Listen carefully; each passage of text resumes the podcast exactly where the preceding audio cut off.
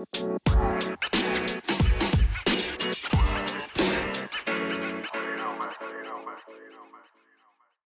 a tothom, mm, benvinguts a Futbol sense guió.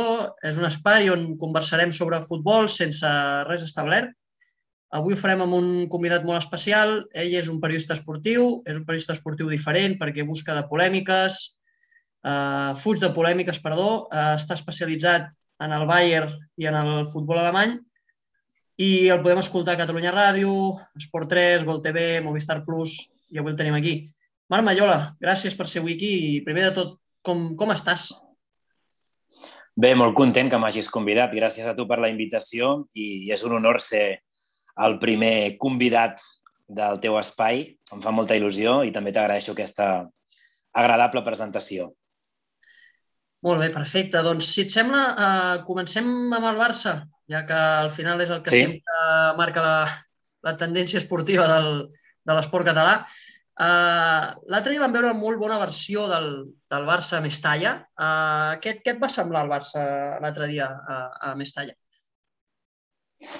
A mi em va semblar una molt bona primera part del Barça, amb arguments diferents de, dels que serien, per exemple, el joc de posició més, més ortodox, i jo em vaig quedar en aquest sentit, per exemple, amb el rol que sembla que Xavi vulgui donar-li als interiors. És a dir, veig que els interiors normalment amb Xavi participen de la jugada, però ho fan molt més amunt.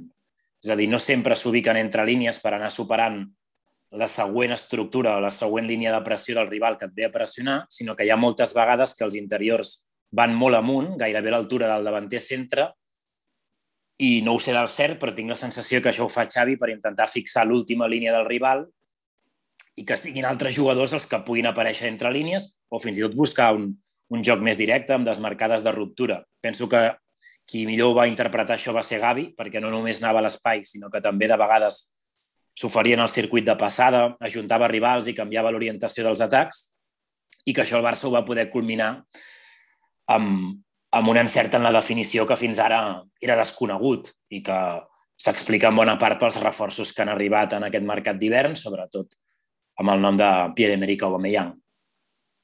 Sí, és, és interessant això que dius, Marc, perquè penso que la, la ubicació aquesta de, dels interiors, de, de Pedri, de Gavi, eh, és, és molt important el que, el que incidies l'altre dia que feies l'anàlisi a, a televisió de la velocitat en la que decidia Pedri amb el, amb el control amb cama allunyada, perquè al final, com més a prop estiguis de la porteria rival, menys temps tens de, de, de, de decidir, no? I jo uh -huh. crec que, que en això que dius tens raó, perquè el, el Barça de l'altre dia més talla és un Barça un pèl diferent, parteix de, de gent oberta, de com, que això sí que és, eh, podríem parlar aquí d'aspectes de, del joc de posició més acadèmic, no? el, el tenir extrems oberts per, per atacar. I amb això voldria incidir també amb el, amb el rol de, de, de, de Frenkie de Jong, no? perquè jo crec que en aquest context, amb, amb un Barça més amunt, amb els interiors més a prop de la porteria, jo crec que ell es pot sentir més còmode perquè una de les seves grans qualitats és, és, és trepitjar àrea. Però a mi el tema, el tema Frenkie en, en, en circulació de pilota em, em, em tiro una mica enrere, perquè jo crec que ralenteix una mica, sempre fa tocs de més, Uh, no sé com, com vas veure l'holandès uh, l'altre dia. Bé, coincideixo bastant amb el que estàs apuntant, sobretot quan dius que pot ser un argument interessant a l'hora d'estar de, de, molt a prop de la porteria i d'enfocar-te a la finalització, però a diferència de jugadors com Gavi i Pedri, per exemple, penso que De Jong, quan rep la pilota parat a camp contrari amb espais reduïts, no té, no té aquesta sensibilitat ni aquesta elasticitat ni aquest gir que sí tenen futbolistes com Pedri i Gabri i, i Gavi per poder, per poder no només eliminar jugadors en aquests espais reduïts, sinó combinar. Uh, en canvi, De Jong potser és més determinant a l'hora de carregar l'àrea. Va demostrar més talla, va tornar a fer un gol similar al de Vitoria. No? En aquest sentit sí que pot ser un jugador que et serveixi per tenir un element més de referència o d'entrar per sorpresa dins l'àrea i ser més efectius uh, i més punxeguts en la, en la maniobra de finalització. però no tant això, per, per tocar en espais reduïts. Jo abans només t'he parlat de la, de la primera part i m'he centrat en Gavi, però la segona tu ho insinuaves molt bé, el que va fer Pedri en la mitja hora que va jugar va ser una cosa extraordinària, perquè va marcar el tempo del partit, el va dormir quan, quan més ho necessitava el Barça i va cosir l'equip i això també demostra una personalitat extraordinària en un futbolista de només 19 anys. Sobre el tema de Jong, i això va ser idea del fals nou, i per tant cal, cal valorar-la valorar, amb atenció, uh, la posició de lateral. Jo tinc més dubtes sense pilota, el seu rigor tàctic sense pilota uh, no m'acaba de convèncer, però en canvi, si ell pot veure el futbol de cara i, per exemple, des d'una posició més oberta, superar rivals en conducció, i aleshores ja sí afegir-se un circuit de passada al mig del camp, doncs potser se sentiria més còmode, perquè el Barça té tants bons futbolistes al mig del camp que, que em costa veure el seu rol en aquesta posició d'entrada. Sí, en això que, en això que dius estic molt d'acord. Uh, jo crec que, que uh, més que, que ubicar-lo de lateral, uh, es tracta de lateralitzar-lo en, en, en sortida, no? Ja, com bé dius tu, ho deia, Exacte. deia el fals nou. Uh, és interessant perquè jo crec que explotes més les qualitats de, de, de, de Frenkie de Jong. Al final, lateralitzant a Frenkie de Jong fas que Frenkie vegi, vegi el joc de cares i tingui espai per córrer, tingui espai per trencar línies de pressió amb aquesta conducció tan fantàstica que té. I, i jo crec que, que és el que dius tu, és un jugador que se sent més còmode arribant a, a, a zones, ja sigui a l'àrea o ja sigui en zona de construcció, que, que sent a la mateixa zona. Eh? Uh -huh. I, és una mica la diferència entre el, entre el joc de l'Ajax i el joc del Barça. No? El joc del posicional del Barça abans de Xavi, no? el, el, el més clàssic requeria estar en un espai i a partir d'estar ubicat en una certa posició eh, es van generant, eh, permet generar superioritats eh, diferents i en canvi en el joc de l'Ajax és totalment diferent. És un joc de, de moviments constants, de, de, de de marxar, de venir, i això jo crec que, que aquí Frenkie de Jong és un dels mites que tenim, no? que, que l'escola de l'Àjax eh, és com l'escola del Barça i no, té molts aspectes en comú, té l'aspecte aquest de, de l'inici, que aquesta pausa a l'inici o aquesta eh, obligació a l'inici d'eliminar rivals, però jo crec que de mig camp endavant el joc no té, no té res a veure. Poder el joc de l'altre dia a Mestalla al Barça s'acosta una mica més al que és el joc de l'Àjax, aquesta aquests moviments constants, constants, aquests interiors apareixent per dintre o fins i tot apareixent per fora, eh, aquest menys respecte per la, per la, per la ubicació. I seguint amb el tema, amb el tema de Jong, eh, s'està, bueno, des de diferents sectors es valora molt que, que pot ser una possible sortida, tot i que Xavi ho ha descartat, Tu veus a Frenkie de Jong en un altre, en un altre context, com un equip com, com per exemple el, el Bayern de Múnich, que és un equip que, que transitant es troba, es troba més còmode. Tu li veus, li veus lloc allà a la Bundesliga? Doncs sí, és una possibilitat. És a dir, el futbol alemany és un futbol de transicions, és un futbol on tot passa molt de pressa i on en un tancar i obrir d'ulls doncs passes d'estar a la frontal de la teva àrea a tenir una ocasió de gol.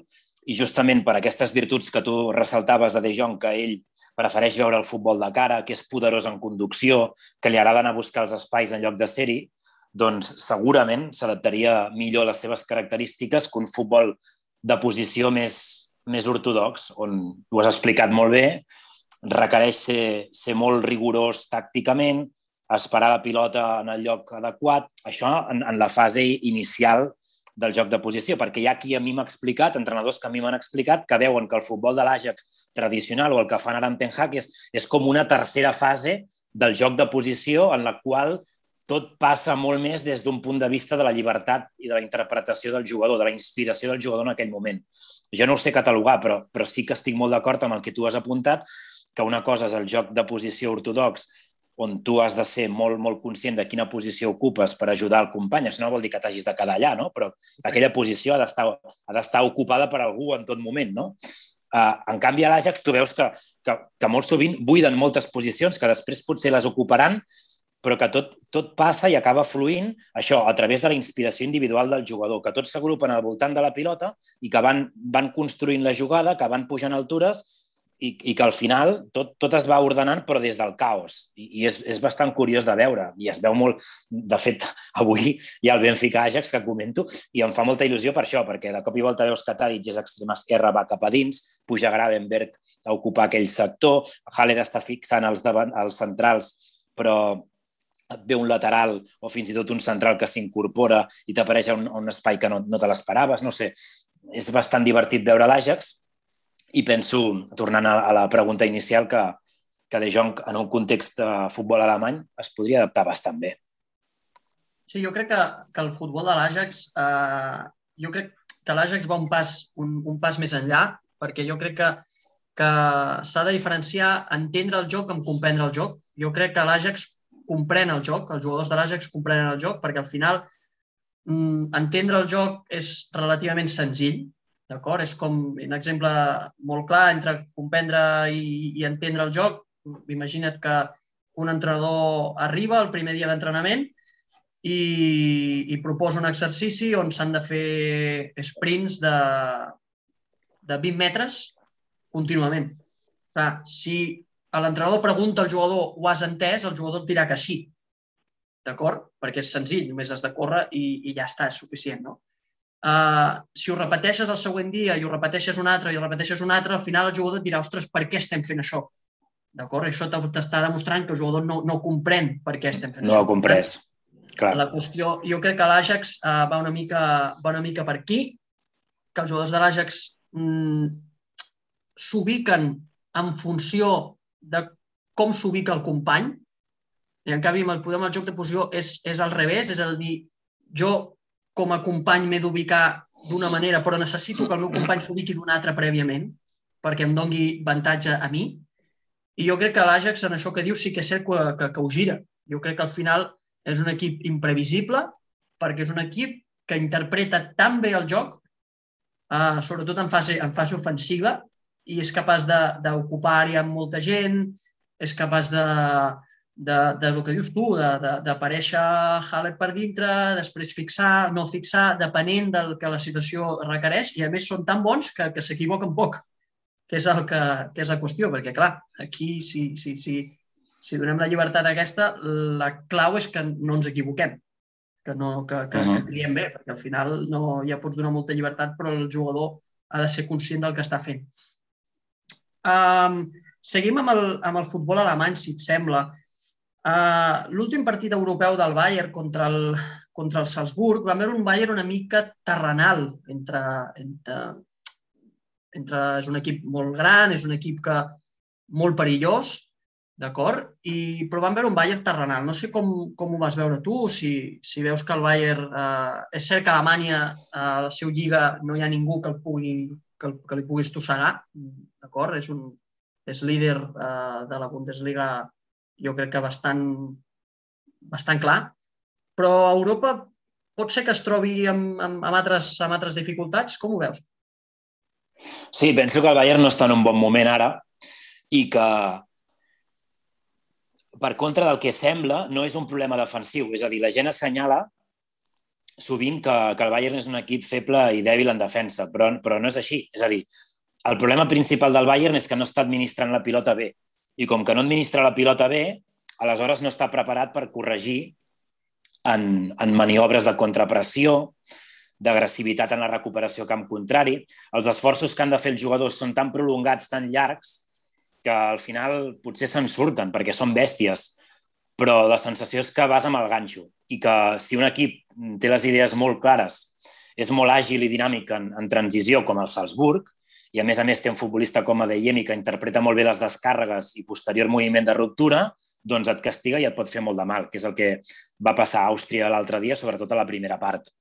Aleshores, és un tema d'administrar molt millor la pilota. El Bayern vol ser massa vertical, vol arribar massa ràpid a, a l'àrea contrària, perquè s'ha acostumat amb el pas dels anys a ser un equip tan poderós dins l'àrea que té la sensació que arribarà 75 vegades a l'àrea i que farà 6 gols.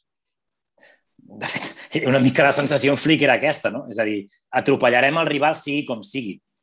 D'acord, però perquè això passi, no només has de carregar l'àrea amb molts efectius, és a dir, has de madurar més la jugada, has d'arribar a carregar l'àrea de manera que tu tinguis diferents opcions de rematades, però que també tinguis eh, bastantes opcions d'ofegar el rival en la segona pilota. I això ara no està passant. I no està passant perquè prèviament no hi ha una bona circulació, les peces no s'acaben d'ordenar i al final tot acaba depenent de, del talent individual, per exemple, de com en l'altre dia, en el desequilibri en l'1 contra 1, o 1 contra 2 o 1 contra 3, perquè el Salzburg no deixava cap superioritat numèrica al Bayern a cap sector del camp. Quan Coman rebia tenia Christensen, l'ajuda propera i una altra una mica més llunyana. I Coman se n'anava però, però falta una mica de gestió de pilota al centre del camp, madurar la jugada, una mica de creativitat també per decidir per dins en espais reduïts. Ara mateix només la té Kimmich, el perfil de Thiago no hi és, a banda que el Bayern té baixes importants, i que, i que Nagelsmann també ha tocat algunes coses que potser fan que l'equip estigui més insegur. És a dir, Nagelsmann vol establir una estructura tàctica diferent a la que tenia Flick, probablement ara no té els jugadors, perquè a més a més Alfonso Davis està lesionat i Goretzka també, que són molt importants per això, i el Bayern li està costant una mica més. El Bayern el que vol, en el fons, Nagelsmann, és que l'equip sigui molt estret a baix, molt estret a baix per intentar, després de perdre la pilota, estar molt a prop en la contrapressió i que el rival no ens pugui contraatacar pel passadís interior. Per això estret a baix. I l'equip molt ample dalt per tenir constantment desequilibri exterior i que això propiciï espais a dins i també la possibilitat de carregar l'àrea. Vale, la teoria és molt clara, però la pràctica, de moment, de moment, en les últimes setmanes no acaba de funcionar. Clar, és, és curiós que un equip que, que viu tant de... o que vol viure de, tant de, de transicions eh, no estigui rendint perquè el que li falta és el pas previ, que és ordenar-se a, través de la pilota, no? un aspecte eh, importantíssim i clau en el, en el joc de posició. I aquí mm, m'agrada enllaçar en que en aquest nou futbol alemany, en aquest nou futbol de, de transicions, on, on, on, on són equips molt, molt dinàmics, que, que busquen eh, apretar dalt i, i, i, estar, i, i construir després de robar, d'acord? que és la gran diferència amb el joc de posició, que vol construir des de la des de tenir la pilota i el rol aquest de, de, de, de Kimmich, per exemple, en el Bayern, al final, en tots els equips eh, alemanys o de futbol alemany que triomfen, eh, Jürgen Klopp al Liverpool té a Thiago, eh, Tuchel al Chelsea té Jorginho, Nagelsmann té, té a Kimmich. Al final, volen, volen transitar, però entenen que per transitar necessiten una figura que sobretot en, en l'inici del joc eh, sigui capaç d'ordenar mínimament a, a, a, a l'equip, perquè l'altre dia sentia a, a, a, a Ranyik, no? un de, dels pares, considerat els pares de l'escola aquesta de, de futbol alemany, que, sí. que Jürgen Klopp era les equips de Jürgen Klopp era una, una, una heavy metal band, no? una banda de, de, de heavy metal. Sí, però una banda de heavy metal poder necessita, necessita el, el baixista, que és Tiago, per donar aquesta pausa, perquè no, no actuen només com a, com a quarterbacks, fent el símil amb, el, amb la Super Bowl, no, no actuen només com a quarterbacks que simplement enllacen per, per, uh, per contraatacar, sinó que són els que donen la pausa. Al final, uh, jo crec que això és importantíssim i és el que dius tu, no? que, que, que poder li falta al Bayern actual aquesta pressa per arribar a l'àrea és la que l'està condicionant després defensivament. O sigui que el, uh -huh. el fet d'atacar malament és el que fa que defensis pitjor. No? Per això, Sí, sí, sí, sí, absolutament, absolutament, perquè sovint s'assenyala és que els defenses del Bayern no són prou bons. No, és que no és una qüestió de si, si els defenses estan al nivell o no. És una qüestió estructural i sobretot de la gestió de la pilota. I estic convençut que Nagelsmann és molt conscient d'això. I aquesta figura que tu dius és realment molt important. Recorda, Álvaro, quins futbolistes tenia Jürgen Klopp al Dortmund? Tenia Gundogan al mig del camp. I una mica més endavant tenia, tenia Mario Götze i a Marco Reus en l'equip que arriba a la final de la, de la Champions l'any 2013.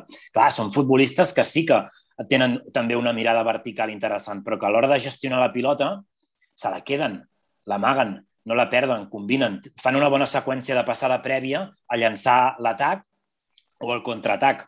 I això és, això és importantíssim. Klopp sempre diu que, que el millor mitja punta del futbol modern és el que pressing, no? intentar recuperar de seguida la pilota quan tu la perds i si pot ser a la zona del teu mitja punta, del teu 10, o a la del mig centre defensiu rival, doncs millor, perquè ja estàs de cara a porteria. Només et falta una passada, pam, i et presentes ja ocasió de gol manifesta, no?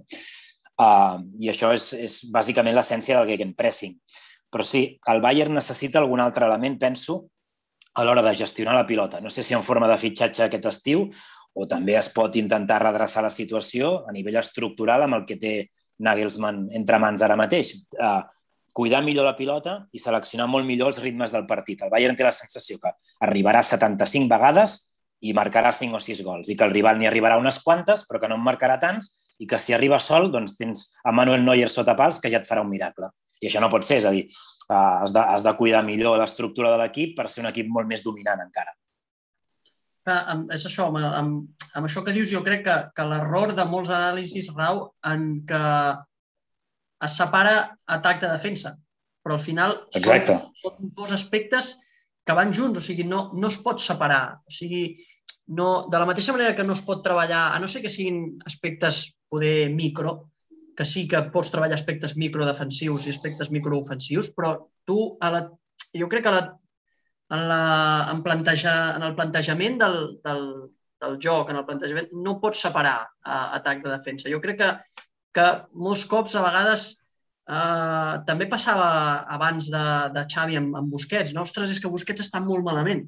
Clar, però és que Busquets està molt malament perquè l'equip circula pitjor, perquè les distàncies de relació entre són molt més llargues. Són molt més llargues, clar. Busquets no és un jugador eh, de defensar tot l'ample del camp, com pot ser un Kanté o com pot ser un altre perfil de jugador, fins i tot un, un, un Goretzka.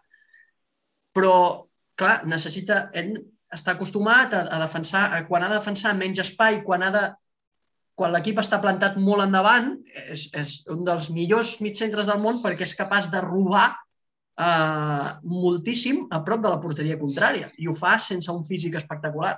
I tot això neix perquè abans, els passos previs eh, en pilota, has estat prou bé per plantar l'equip en aquella zona i poder atacar i poder eh, defensar-te en, en, en cas de perdre. Parlàvem abans del, del Barça, no?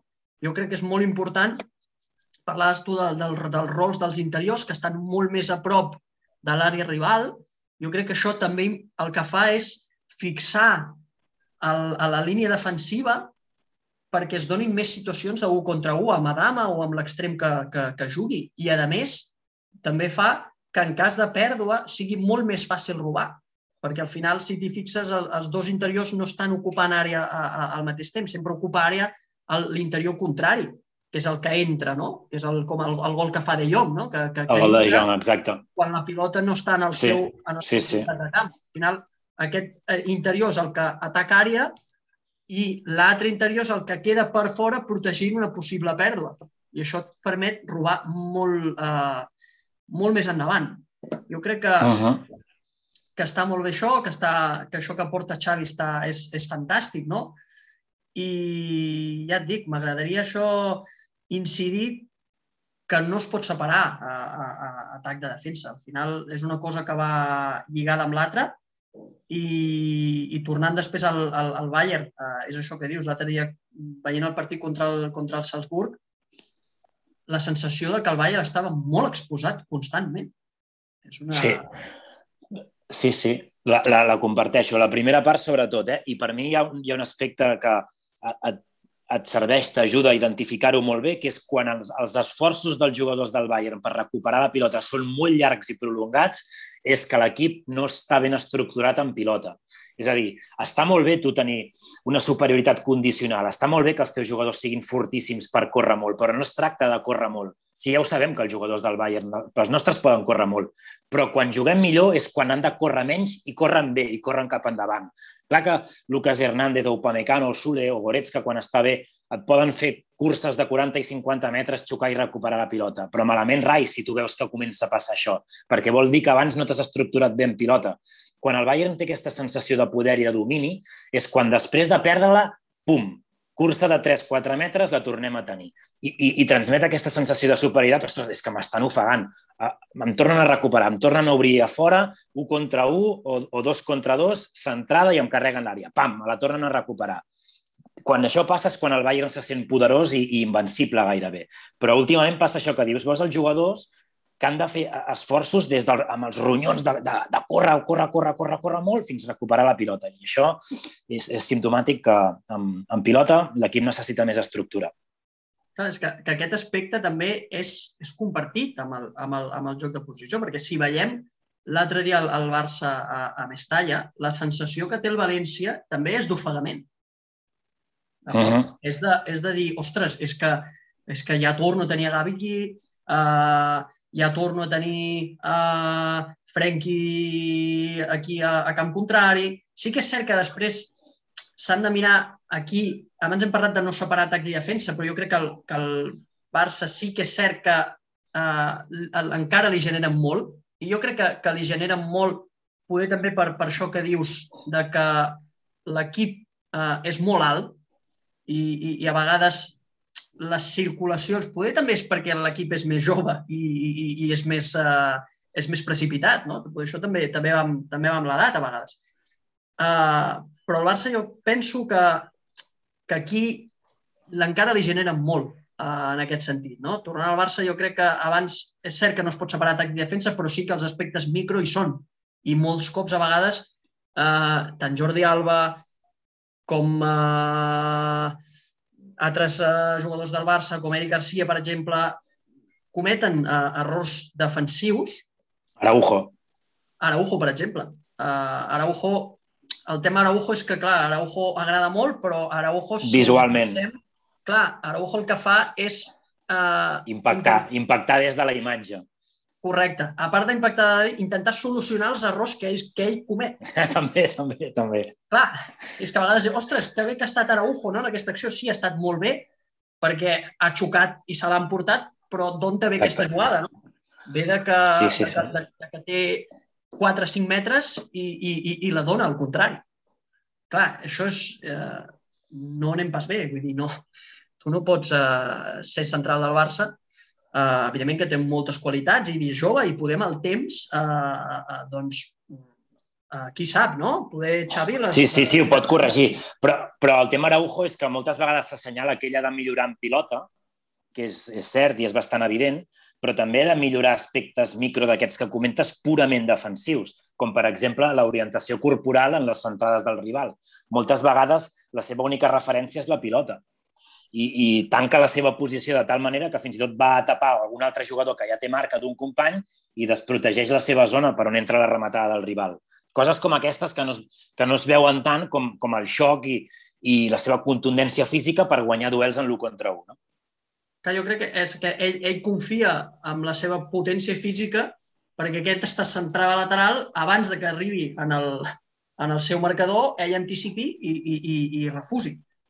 Però que és això que dius, eh, alguns aspectes de dir, ostres, com pot ser, ja, eh, bueno, els aspectes clàssics que ja coneixem de Jordi Alba, que a vegades un es posa les mans al cap no? per, per dir, ostres, com pot ser que, que defensivament cometi aquest error, però Araujo té els mateixos, eh, o té problemes semblants. El que passa que Araujo té la capacitat física per m'han superat i com que físicament uh -huh. Soc una bèstia, eh, eh, puc, eh, recuperar, puc recuperar la posició i tot queda que, ostres, que ve Araujo, eh, després es toca fa això de tocar-se el pit i vas a, i, i, i, i l'escut i, i això, i això suma molt, no? Sí. Ja saps que, que el futbol i populisme van sempre de van, de, van de la mà.